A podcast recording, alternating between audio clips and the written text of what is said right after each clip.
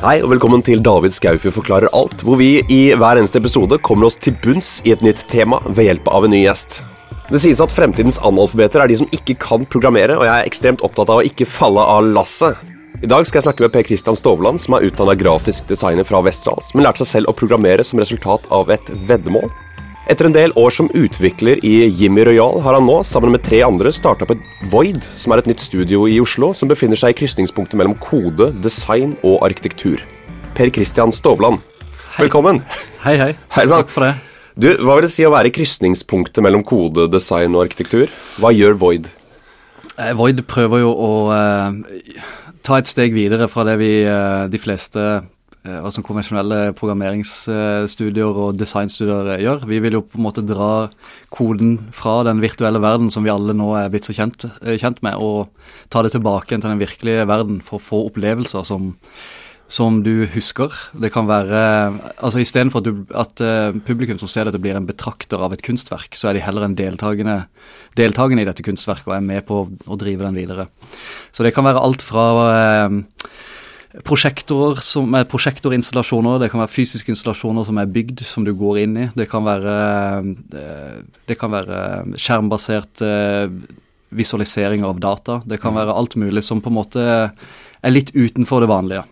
Hvordan, hvordan, kobler du opp interaksjonen sånn fysisk mellom uh, folk og, og, installasjon? Er det for eksempel, Bruker du kamera eller en Kinect fra Xbox, eller? Ja, vi bruker faktisk eh, begge deler. Du, du, kan, du gjør det? Du ja. bruker Kinect? Ja, vi bruker Kinect. Jeg har, eh, har, gjort et par prosjekter med, hvor vi bruker Kinect, og den er jo helt fantastisk til å ta imot bevegelser innenfor et rom. Du For det er den lekegreia til Xbox, kan riktig. vi se, hvor du liksom ser bevegelsen din, du kan spille bowlespill og sånn? Helt riktig. Altså. Xbox kom jo, og eller vil si Microsoft har kommet ut med med en Kinect, som er eh, teknologi som egentlig, hvis ikke jeg tar feil, så er det egentlig et firma som eh, starta jobben med dette her i eh, Israel. Og så har den blitt kjøpt opp av Microsoft, og så har de, uh, så har de uh, altså, og, og, og, tatt den i bruk av Xbox, som de fleste kjenner. Mm. Uh, og det er egentlig veldig lett å hooke seg opp mot den dataen som kommer fra en Kinect. Ja. og så bearbeide den, og så bruke den sånn som du vil, da. Ja. Jeg har alltid lurt på det når jeg spiller Kinect, så den ser jo liksom hvor armen din er, og den ser hvor hodet og sånn, men med en gang du har en arm foran kroppen eller bak kroppen, så ser den jo bare 2D-bildet. Da ser den ikke armen din, da blir du bare en klump. Ja, det er ganske naturlig, for at, uh, rett og slett måten en Kinect funker, er at den skyter ut uh, infrarødt lys ja. uh, liksom ut i rommet. og Kinecten vet jo i hvilken retning disse her skyter. Så når han ser at den prikken, hvor den ender opp, den ja. lysprikken ender opp, så kan han si hvor langt unna den er. Ja. Så, egentlig, oh, ja. så egentlig den Kinect-måler er hvor langt unna ting er fra den. Oh, så hvis du har armen din bak ryggen, mm. så er det jo klart at han kan ikke se eh, armen din da, for han ser jo bare det som treffer den først. Mm. Og da er det ikke rart at han mister, uh, mister uh, oppfattelsen av hvor uh, armene dine er. Men det er et front 3D-bilde, så hvis du har armene foran kroppen, så får han Ja. For jeg har alltid, trodd, jeg har alltid stått med armene ut til side jeg spiller Kinect, for jeg trodde den bare tok et bilde og så omriss.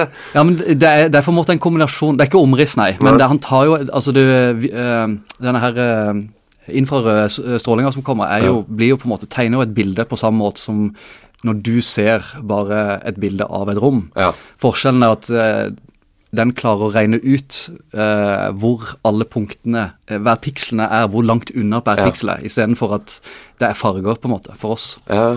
Så uh, ja. Hva slags installasjoner har dere lagd med, med, en Kinect f.eks.? Ja, altså, vi har jo Nå, er, nå skal det sies at Void starter opp i 1.2, så vi, er, vi, har ikke noen Kinect-prosjekter ennå som kan stå for vårt navn, men vi har alle jobba med, med, Kinect før. Ett prosjekt er jo noe som faktisk Informasjonsskjermen som står på Henny Onsdag kunstmuseum, er noe jeg har, har laga. Den tar imot Altså Når du kommer inn der, så, så, er det på en måte en informasjonsskjerm, forteller hva som foregår på huset, hvilke utstillinger som er her og sånt. Men i tillegg så står det en Kinect der som tar imot bevegelsene dine. Ja. Og eh, tegner det om til kanskje en litt sånn kunstnerisk oppfattelse av rommet som du er i, liksom. Så du kan leke litt med denne skjermen. Du kan være litt Tom Cruise i Minority Report og stå der med armen og Ja, bare resultatet blir jo da en, en kunstnerisk, eh, grafisk ting framfor, ja. at, eh, for, for, framfor nytte. Ja. Ja, det, det er hele målet med mitt virke også. ja, ikke sant? Eh, du, du, lærte deg Du har en litt sånn spesiell måte du lærte å kode på, for du kommer jo egentlig fra en grafisk designbakgrunn. Mm. Jeg har eh, Jeg gikk, som du sa eh, innledningsvis, at jeg gikk på Westerdals. Gikk ut derfra og jobba som frilanser som grafisk designer, men det er jo mange om det beinet der. Ja. Og så viste seg at jeg hadde en kompis som hadde et band her i, her i, Oslo som trengte en nettside. og Han hadde da en kjempe, han mente at han var en kjempeflink utvikler, som mm. han helt sikkert var. Mm -hmm. Men grafisk formsans, det hadde han ikke. Nei. Og det ga jeg veldig sterk beskjed om at dette, her, eh, dette holder ikke for dere hvis dere skal på en måte ha noe som ser bra ut. Mm. Da fikk jeg bare til motsvar at, uh, at prøv å se om du kan gjøre noe bedre. Mm. Så da sa jeg gi meg to uker. Da hadde jeg hørt om Flash. Ja. uh, og jeg hadde sett grensesnittet, og det var veldig likt Photoshop og sånne ting, og det kunne jo jeg ganske godt fra før av. Ja. Så da satte jeg meg ned, uh, lagde en nettside som funka. Det var ikke det beste, men, uh, sånn rent funksjonelt, men det så bra ut, som var det viktige for meg, da. Ja. Og jeg, som jeg mener også var det viktige for de.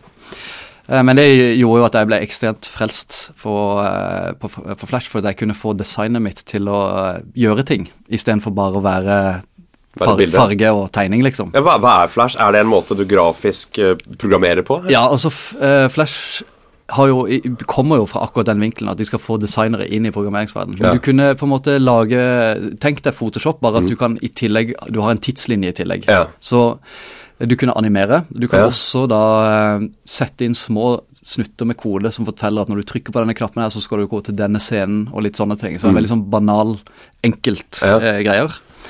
Eh, og så etter hvert så, som, som, tida gikk, så begynte jo Flash også å utvikle mye mer eh, og bli mye mer avansert, og ble egentlig et fullverdig språk.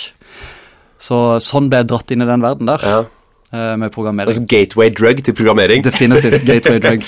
men men så sier det at det er en innfallsvinkel for grafisk designer, for man tenker visuelt, mm. og ikke Altså man ovenfra og ned, kan man mm. si det, istedenfor mm. nedenfra og opp? Ja. Det er veldig ofte når man, som jeg erfarer som programmerer, og som jeg må jobbe med mm. daglig på meg sjøl, er jo at når man kommer på en idé, så må man hele tida kjempe mot at du som utvikler vet hvor komplisert det eventuelt er å lage det. Uh, og det er jo ofte sånn at du kan lett ta en uh, Du kan ta en sånn kjapp uh, Du tar en kjapp vending, og så gjør du det enkelt for deg sjøl i designet, så da blir det enkelt å programmere, men ja. det kan ofte gå løs på den helhetlige opplevelsen og sånt. Så, ja. så må du gå runder med deg sjøl, altså prøve å gjøre det komplisert sånn at det blir pent ja. og kult. Må kjempe mot det øret snarveier. Ja. Spesielt når du på en måte lever både i designverden og i utviklingsverden, så, ja. Eh, så, vet du hva et valg innenfor design på hvordan det påvirker ja. teknologien, og omvendt. Men du, du, som jobber både som uh, Altså jeg jobber i byrå hvor man jobber med med å si en app da, eller si en, en nettside, og så plutselig er designeren i det som programmøren ikke er helt med på. Hva hvis du slenger inn en ny knapp, og så har det det er ikke bare å slenge inn en ny knapp hvis Nei, eh, det, det, det, det, er en situasjon som man ofte kommer opp i. For du har det er veldig lett for en designer men, så Når du sitter som en designer, så tenker du på en måte hvordan brukeren skal oppleve dette. her. Mm. Og er veldig riktig måte å tenke på. For det er jo til syvende og sist ting du lager, skal være for brukerne. Mm. Skal ikke, det skal, være, skal, ikke være lett for deg å lage noe. Nei. Det skal være lett for brukeren å bruke det etterpå. Ja. ja. Da blir det ofte sånn at eh, designeren gjerne tenker smarte tanker, eh, og så kommer det til utvikleren, ja. altså meg i dette tilfellet. Jeg ser på det og resultatet, og så ser, kan jeg veldig fort identifisere logiske brister, fordi mm. at det må jo være data knyttet opp til dette for å få det til å funke. Og noen ganger så funker ikke data på den måten som designeren antar. Nei. Fordi designeren er vant til å se det fra en brukers ståsted. Ja. Men data må gjerne struktureres på andre måter enn det som er menneskelig logisk. Ja. Eh, sånn at, eh, og da må jeg gjerne gå tilbake til designeren. Eh, jeg kommer ofte med alternativer til det, og jeg, prøver alltid å være flink med å forklare hvorfor dette her ja. er en dårlig idé. For det lærer jo designeren. Så etter hvert, som, etter hvert som man jobber, og jobber med folk, så skjønner de hva du prøver å formidle, og så, mm. så går prosessen lettere. Ja. Men det er helt, helt, klart en utfordring å på en måte få designeren med på notene alt, uh, hver gang, også, og skjønne på en måte hva konsekvensen er av at man gjør det på denne måten her. Ja. Du, du jobber med flere ting innen det å kode. Uh, altså Man har noe f.eks. på nett som heter frontend, mm. backend. Mm. Jeg har, jeg har, altså Fra Flash-verdenen så er det jo i utgangspunktet frontend. Frontend vil da si at du uh, Altså Når du går på nett og besøker en nettside, så har du en nettleser på din maskin som da egentlig går eh, Når du skriver vg.no, så ender du opp eh, på en server hos VG som forteller hva den skal sende tilbake til nettleseren, og så leser den. Ja. Det som skjer på nettleseren din, det er det som kalles frontend. Ja. Og det er som regel det grafiske, det er det som har logikken for å kommunisere med det da som kalles backend, som er serveren. Ja. Altså VG i dette tilfellet. Hvilke annonser skal vi vise, det bestemmer eh, serveren. Hvilke artikler er det som er oppe nå. Eh, og annen data som vi hører med. Sender det tilbake til frontend, og så sitter du der. Du jobber med begge deler? Ja, jeg, jeg begynte jo som frontend-utvikler og har vært der. Og jeg har eh, over tid endt opp med å måtte ta tak i backend-biten også, så nå forstår jeg alt fra begynnelsen til slutt i en sånn eh, i webprosesser i hvert fall. Gjør det det enklere å kommunisere når du har større prosjekter hvor du ikke kan ha alle Definitivt. Alle- Definitivt. Det har vært noen prosjekter hvor jeg måtte eh, på en måte ha den overordna oversikten Ja. for å kunne fortelle ofte backend hvorfor frontend trenger å ha ting på denne måten, og Ja. omvendt. Hvorfor frontend må ha det sånn som eh, må ha det sånn som backend krever det. da.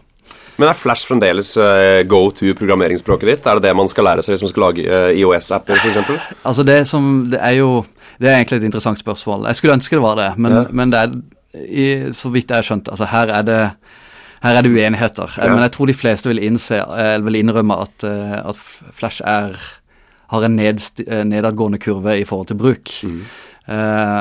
Det begynte jo med Jeg husker når iOS, den første iPhone kom ut, så var det Da husker jeg jeg var veldig spent på å se hvordan Flash funka på denne devicen. Eh, Fikk sånn nerd-tingling? ja, ikke sant? Jeg måtte jo se, for dette her var jo min Dette er min liksom, Det er det jeg tjener penger på. Ja. Eh, og da så vi jo bare en hvit boks med ingenting som forklarte at de var ikke støtte for Flash. da, Så vi satt jo eh, Jeg husker vi var en del Flash-utviklere som satt og venta litt og håpte på at dette skulle eh, komme snart. Og så kommer dette berømte brevet fra Steve Jobs som var eh, Altså forklarte at Flash er på vei ut og sånne ting. ja. Som rett og slett er en, eh, var en spiker i kista for eh, de fleste, i hvert fall for eh, ja, de fleste Flash-utviklere, eller byråene som baserte seg på Flash-utvikling i, eh, her i Oslo og sikkert hele verden. Mm. Merka dere nedgang i eh, jobber og sånn? Absolutt. Og det, det som skjedde hos oss, var jo at uh, vi fikk en veldig drastisk nedgang på oppdrag som var Flash, Ja. og alle skulle ha enten HTML eller IOS, Ja. uh, eller Android for den saks skyld. IOS var veldig i vinden på den tida. Uh, som gjorde at vi tok Med iPhone operating system? Ja, IOS, det er Ja. Mm. iPhone, ja, Er det, er det dere står for? Nå bare gikk jeg ut fra det var dere står for. Det er for, veldig godt Nei, vet du hva, Jeg tror det er i operating system, på samme Mm. måte som du sier iPad, iPod Ja, eh, ja, for det det er jo IOS på, ja. på alle enhetene, ikke iPhone. Ikke, ikke, ikke, ikke akkurat, liksom. Så Mm. IOS vil si det er operativsystemet som iPhone, iPad, alle i-devicene kjører på. Ja. Bortsett fra Mac-en, da. Den Mm. kjører ikke på IOS, den kjører MacOS. Ja. Eh, men eh, ja, hvor var vi? Eh, ja, på, på, på brevet til Steve Jobs, Ja. altså når, han, når Steve Jobs sier Flash er på vei ut, tror du Flash var på vei ut, eller tror du bare Steve Jobs bestemte seg at Flash var på vei ut for det gagner ham? Det kan jo virke i tråd med hans personlighet. Ok, nå, nå, nå trår vi inn i et felt som jeg vet er en litt sånn uh, minefield. fordi uh, her er det utviklere som er veldig uenige. Jeg har helt klart klare meninger om hva jeg tror er tilfellet. Mm. Ja. Så jeg kan godt komme med de. Ja. jeg, ja. jeg tror jo at uh, da, da Altså Det som er eh, naturen jeg, jeg, jeg tenker jo hele det eh, opplegget som Steve Jobs kjørte, var en slags smokescreen. Mm. Jeg forstår han veldig godt. fordi det som er resultatet, at hvis de hadde tillatt Flash på IOS-devicer, Ja. så trenger du ikke AppStore lenger. Nei. Og da får ikke han pengene sine. Da får ikke han pengene sine. Nei. Det mener jeg er hovedgrunnen til Ja. hvorfor han var imot Flash. Og så bruker han veldig mange hva skal vi si, eh, riktige tankeganger i forhold til å appellere til utviklere med å si at ja, vi er mer open source, HTML er bedre for verden og bla, bla, bla. Så han har jo rett der. Mhm. Men jeg tror ikke det er hans motivasjon. Nei. Eh, sånn Han bare prøver å finne de fleste argumentene som han kan selge sin idé på, Ja. mens, mens hovedideen er det at han skal tjene penger på AppStore. Så det er hans argumentasjon, men, ikke hans motivasjon. ja. Og det er jo klart at eh, fordi at hvis du har eh, Flash til å funke på en eh, iPhone, sånn som Android f.eks. gjør, så, så er det klart at når du mister AppStore, så har du Du trenger altså, du trenger ikke godkjenning gjennom AppStore, som er ganske strengt. ja.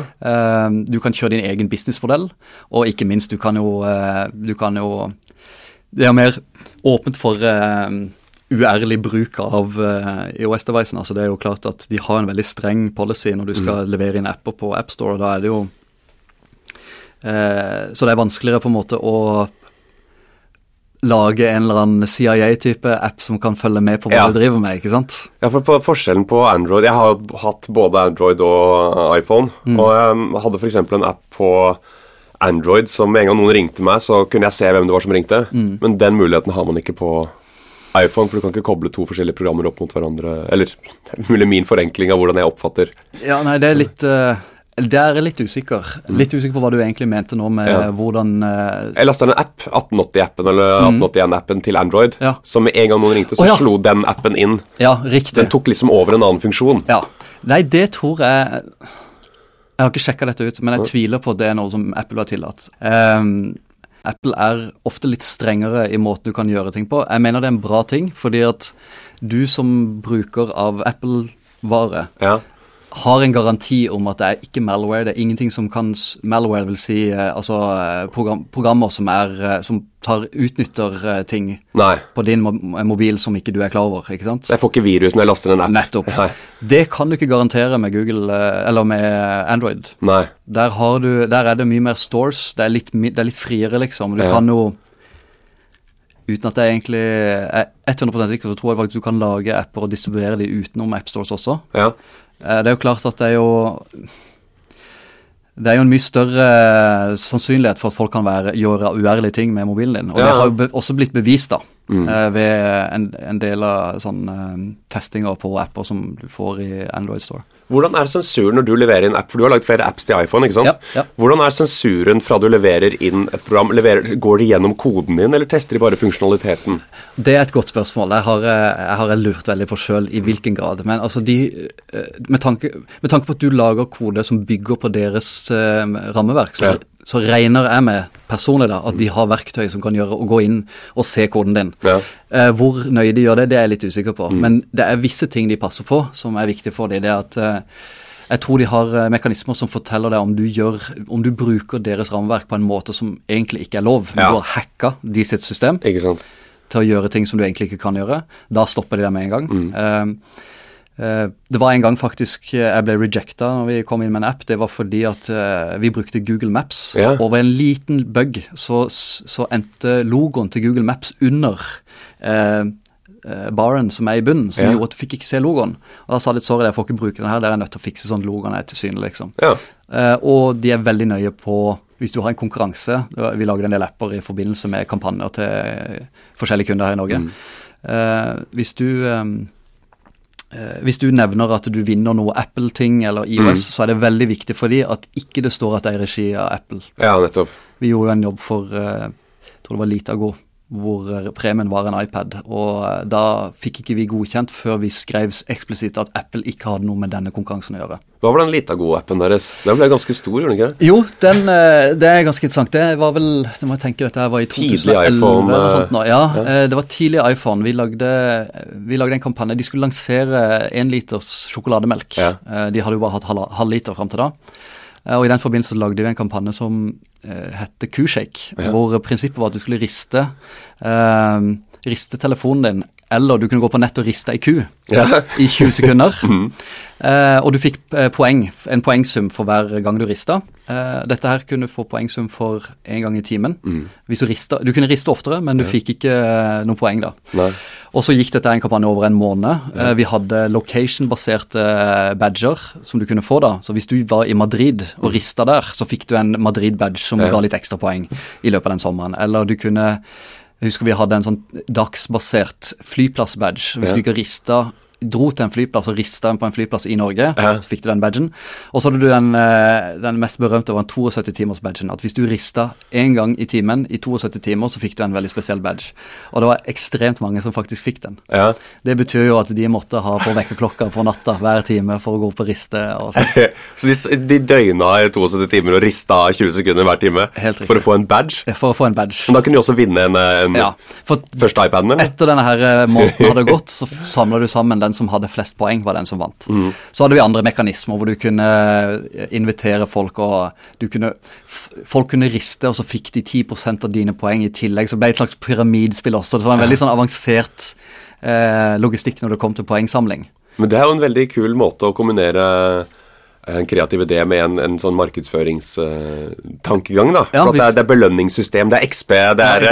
Og det, det, er, Det er gaming, da. Det er, det er definitivt. Når du legger på det gaming-layer, og spesielt denne her eh, achievement-greia, eller level up-greia, Ja. som vi som, Altså kanskje World of Warcraft var de som uh, introduserte det best. Ja. Mm. Det var sikkert gjort mange ganger før det, men eh, det kom fram. Det, det har en effekt på folk. Folk blir avhengige. Ja, ja, fullstendig. Mm. Eh, det er jo um, Også i tillegg så fikk du Ser det jo veldig kult ut når folk går rundt og rister Eh, hvordan, hvordan, lagde du den første IOS-appen din? Du kommer liksom fra uh, grafisk designbakgrunn, så går det gjennom Flash, og så kommer du til IOS hvor det ikke finnes Flash. Ja. Jeg har jo lyst til å lage apps. Alle, ja. alle har en idé til en app. Ja, ikke sant? Det, det, vet sikkert du som jobber med apps. Ja, jeg har hørt den ganske mange ganger. Ja. Jeg har en idé. Har en idé. Hva koster det å lage den? Det er samme som å jobbe med, med, med film eller TV. Du, eller reklame. Jeg har en idé! Kan ikke du bare lage den, og så deler vi pengene?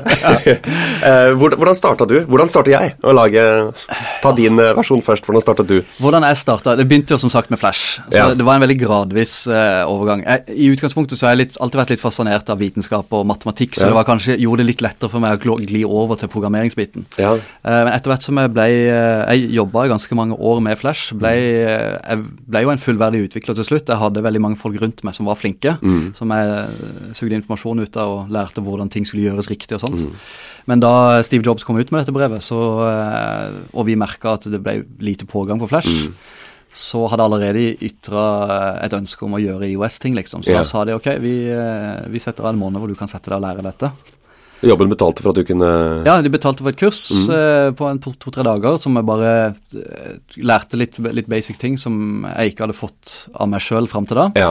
Og så fikk jeg en måned hvor jeg kunne sitte nede og, og eh, bare leke litt. Hvor var det kurset? Dette var eh, Det holdt til på Fornebu. Programutvikling.no. Via Apple, eller var det via Nei, det var bare Vi søkte bare. Og så ja. var det jo en person jeg hadde litt kjennskap til i Flashverden som hadde mm. begynt med IOS, som skulle ha det kurset, så da ja. søkte jeg på den. Det var Aral Balkan. Han er, kanskje folk har hørt om han før, det vet jeg ikke. Det kan godt være. Jeg, ikke, altså jeg kunne tenke meg å ta et helgekurs for å kicke i gang, og så, mm. og så sette meg en måned, sånn mm. som du gjør det. Mm. Så det, det, er en mulighet at man kan ta liksom, helgekurs. Man, man, trenger ikke gå på en tre år lang skole for å Nei, jeg vil, jo si, jeg vil jo si at den beste måten man lærer på, er jo Det er også litt interessant når vi prater om dette her med, med skole, fordi um, det som er veldig spesielt med den programmeringsverdenen, at den utvikler seg fra kvartal til kvartal nesten. Mm. Du får ny teknologi som kommer inn.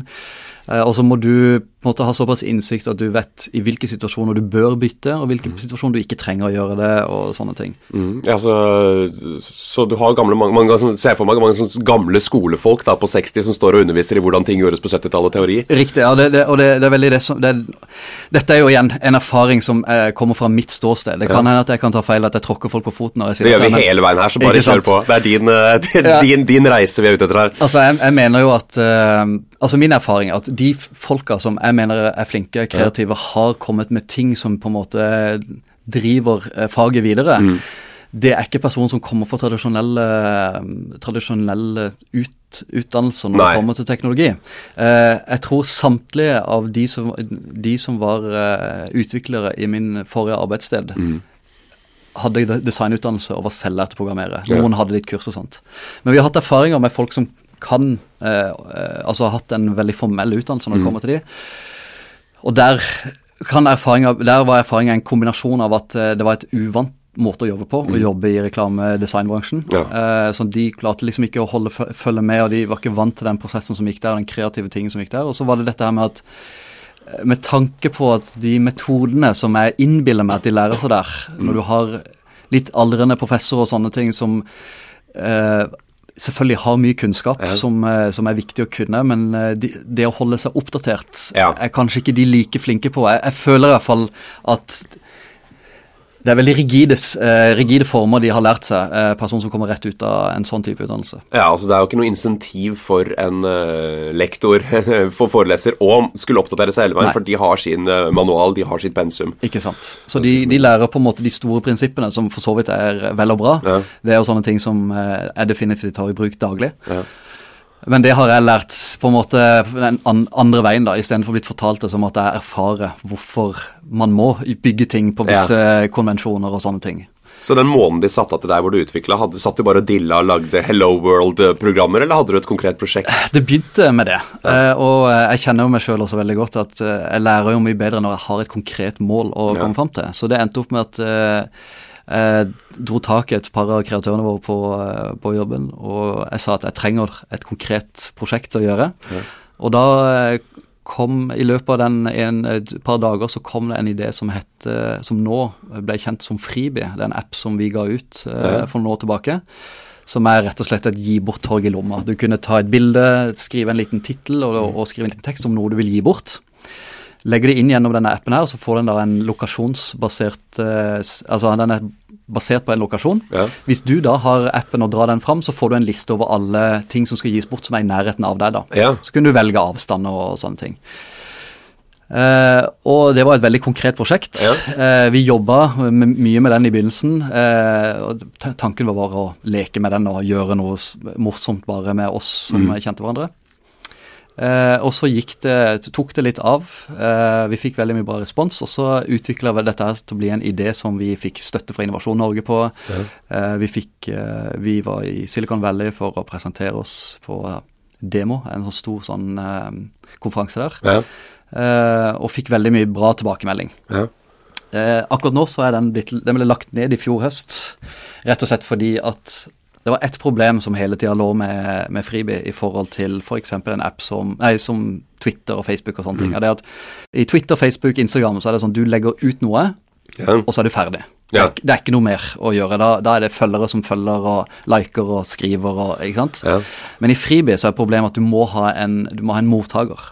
Mm. Så hvis jeg kommer inn da og legger fra meg og tenker nå skal jeg prøve den appen her, jeg skal gi bort denne stolen her, jeg har ikke lyst på den. Mm. Jeg legger den ut, og så går det en uke, ingen svarer, fordi at det er litt lite folk I ditt område. i mitt område som Ja. er interessert i dette. Og, Uh, og på den andre siden så, så det vil si at hvis ikke jeg får gitt denne bort, så er sannsynligheten for at jeg bruker den her igjen ganske liten. Ja. Og på den andre siden, hvis jeg kommer og åpner opp den der for å se om det er noe som jeg er interessert i, hvis ikke jeg finner noe den første dagen som er interessant, Ja. så er det en liten sannsynlighet for at jeg åpner den opp igjen.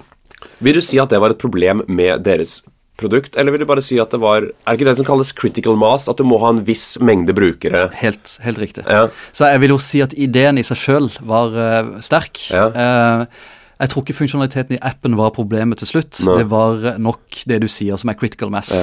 Eh, Hadde du lansert den i New York og promotert den så du fikk en million folk som brukte den, så hadde det vært et kjempesoftware? ja, jeg ville sagt uh, hvis vi hadde vært i San Francisco og Palo Alto Ja. og starta der, Mm. eh, så, eh, så tror jeg det hadde vært en annen eh, historie. Men hvordan var selve arbeidet ditt da? For da hadde du, du hadde et innfallsvinkel, du kunne programmere Flash, du hadde hatt et oppstartskurs, du skjønte IOS-logikken grunnleggende sett. Men du begynner å programmere det, så møter du vel på sånn der Oi, dette vet jeg ikke åssen jeg skal gjøre. Oi, her har du plutselig en geografisk eh, datainnsamler på iPhone, hvordan bruker jeg den? Hvor, hvilket, for det første, hvilket program bruker du for å programmere i IOS? Det er, eh, der har du faktisk ikke mye valg. Nei. Eh, det vil si, du har sikkert mulighet til å hacke deg fram til en annen løsning. Ja. men eh, det, Minste motstandsvei vil jeg kan, være jeg, jeg kan ikke se grunn til det. Det er X-code, og det er noe som følger med. Eh, hvis du har en Mac, Ja. så er ikke den ferdig installert, men den kommer med på enten eh, CD-en før i tida, Ja. eller kan du laste ned det som heter Xcode Tools, liksom. Og det er programmeringsverktøyet som du skriver alle Mac- og IOS-ting i. Oh ja, så det kan jeg bare laste ned nå? Helt gratis. Så lenge du har en, du har jo en Mac, så det er ikke noe problem for deg. Eh, så det er verktøy du må bruke for å lage IOS-ting, da. Men igjen, du må ha en Mac for å lage IOS-ting? Ja. Er det også en sånn Steve Jobs eh, La oss ikke gjøre det tilgjengelig på PC, eller er det rett og slett for at det er eh, samme hjerne i de to forskjellige? Det er et godt spørsmål. Jeg tror nok ikke det nødvendigvis bare er fordi at det er sånn Steve Jobs ville ha det. Men eh, fordi at hvis du skal skrive et program som er C++, for eksempel, som er et språk som funker på Linux, eh, Mac eh, og PC, så må du kompilere den. Du, har, du kan skrive koden, men når du skal kompilere den, så må du sørge for at du er på systemet som den skal kompileres på. Hva er kompilering? Å, oh, riktig. Ja. Myself. Kompilering vil si at du har to måter en datamaskin kan forstå kode du har skrevet. Du har enten det som kalles uh, eh, skripting, sånn som javascript og sånne ting, Ja. der uh, datamaskinen ser filer, leser gjennom den og følger, følger eh, ordrene der eh, direkte fra denne tekstfila. Ja.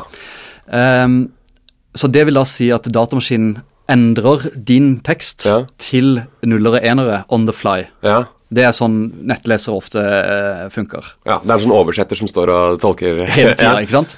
Eh, når du kompilerer et språk, det er hvis jeg skriver masse kode, så er det, en, eh, så er det en, et program som tar koden din og lager en svær fil, Ja. eller flere da, for så vidt. Men la, la oss si dette blir en svær fil som bare inneholder nuller og enere, Ja. som er oversettelsen av det du har skrevet. Forhåndsoversetting. Nettopp. Så det, når datamaskinen din kjører det programmet, så trenger han ikke å oversette, han kjører bare nuller og enere. Ja.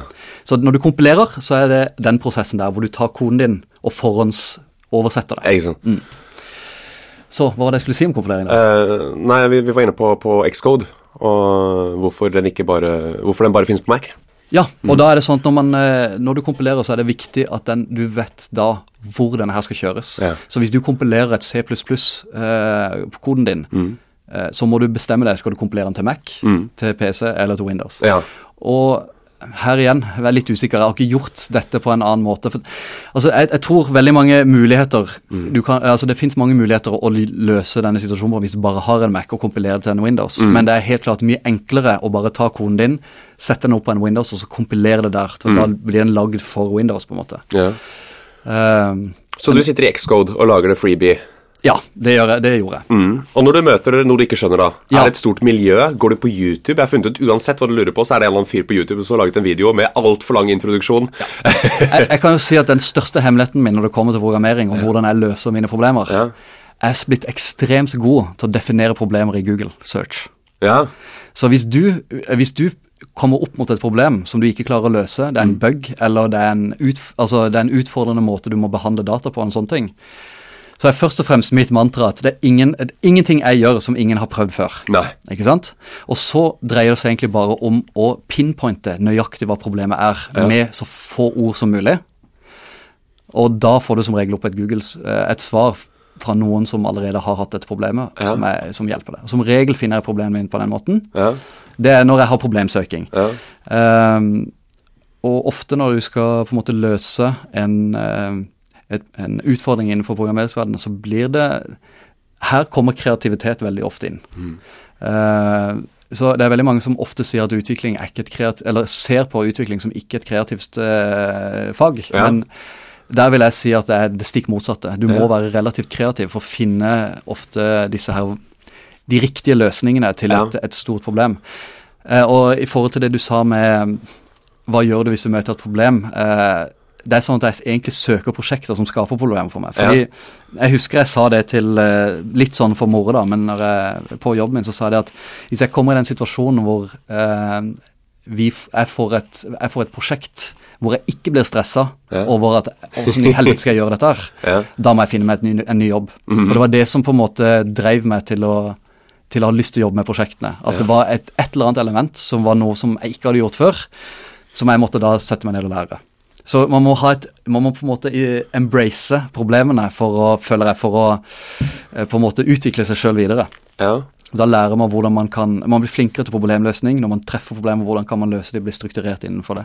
Skifter du litt sånn mindset eh, når du, etter at du ble programmør? Altså Du sa at du hadde alltid hatt en viss fascinasjon for matematikk og vitenskap. Men du hadde også en, en kreativ bakgrunn, og det er mange som ser på det som to forskjellige ting. Enten så er du teknisk, eller så er du kreativ. Jeg føler at kode befinner seg i krysningspunktet mellom, mellom de to. da. Ja, absolutt. Det er Symbiose mellom de to hjernehalvdelene. mm. jeg, jeg har jo um, Altså, jeg har, en, jeg har en far som er uh, er på mange måter en slags vitenskapsmann. Han er liksom sivilingeniør, har, uh, så han, han holdt meg veldig eh, eh, han, han var veldig flink til å, til å fortelle meg om ting som var med verden, som var Ja. eh, Så jeg, ble, jeg har vært naturlig nysgjerrig fra jeg var liten på sånn eh, vitenskapelige eller sånn tekniske ting og sånne, sånne ting. Og liksom prøve å finne ut hvordan ting fungerer og sånt. For når du har oversikten over hvordan ting fungerer, så er det mye lettere for deg å finne måter å kombinere nye ting på. Ja. Og det er det hele tida, spesielt nå i Void, det vi skal prøve å gjøre, er at vi tar disipliner som er relativt etablerte, og så kombinerer de på en sånn måte som du aldri har sett før, som da skaper eh, opplevelser som, Ja. som mennesker ikke har sett før. Det er det vi vil prøve å få til. Hva holder dere på med nå i, i Void? Eh, Eller er det noe man ikke kan si siden dere er Altså, vi er, vi er jo helt i startfasen, og eh, vi har gjort, et, vi har gjort lit, en liten jobb eh, Eller ikke en jobb, da. Vi gjorde et lite kunstverkprosjekt. To av de i Void nå har eh, stilt ut en, eh, noe som vi kaller for Irregular Polyhedron Study, som er en, eh, et veldig kult prosjekt. Du, kan, du kan se det på Facebook-sida vår, hvor du har eh, hvor du egentlig bare satte opp eh, ti eh, forskjellige motorer i et, nei, sorry, ni forskjellige motorer i et rom som trakk i en fiskesnor. Yeah. Hver av disse fiskesnorene var knytta til et hjørne, hjørne eller en kant i en, eh, en 3D-form som hang i rommet, Ja. lagd av strikk. Sånn når disse her dro i det, så endra du hele tida fasongen på denne her Ja. i 3D. Det så, når du sto på avstand, så ser det ut som egentlig et veldig flatt todimensjonalt uh, skjermprojeksjon, hvor du ser at det er en 3D-objekt som beveger på seg. Mm. Når du kommer nærmere, så ser du at det er et 3D-objekt som lever i det fysiske rom. da. Uh, så vi vil prøve å kombinere kunst Ja. Uh, ja, vi vil gjerne, det, det, Estetikk er veldig viktig for oss, Ja. kombinert med eh, nye måter å ta input inn, Ja. og nye måter å komme med output ut til mennesker igjen. Og den kan man se på Facebook-siden deres, den videoen og installasjonen. Riktig. Og det er Vanity-URL-en der er. Vanity-URL-en er voidtm i ett ord. Hvis noen har lyst til å følge med på Void, eller følge med på det du har gjort, hvor kan man finne dere på Instagram, Twitter, Lilly? Ja, du har, eh, altså VoidTM eh, er eh, gjennomgående for både Facebook, Instagram og Twitter. Og så har du, eh, og mitt nikk er jo da Perkverk med W. Ja. P-E-R-K-W-E-R. Det er på Twitter og Instagram og Ja. fullpakke. Mm. Så utrolig kult at du kunne komme. Ja, veldig hyggelig å kunne være her. Takk skal du ha. Bare hyggelig. David Skaufjord forklarer alt blir produsert på radiobyrået Både og med Charlotte Trolin bak spakene. Podkasten blir presentert av filtermagasin.no, som er Norges eh, fremste nettsted for film, TV og streamingstips. Takk skal du ha. Vi snakkes neste uke.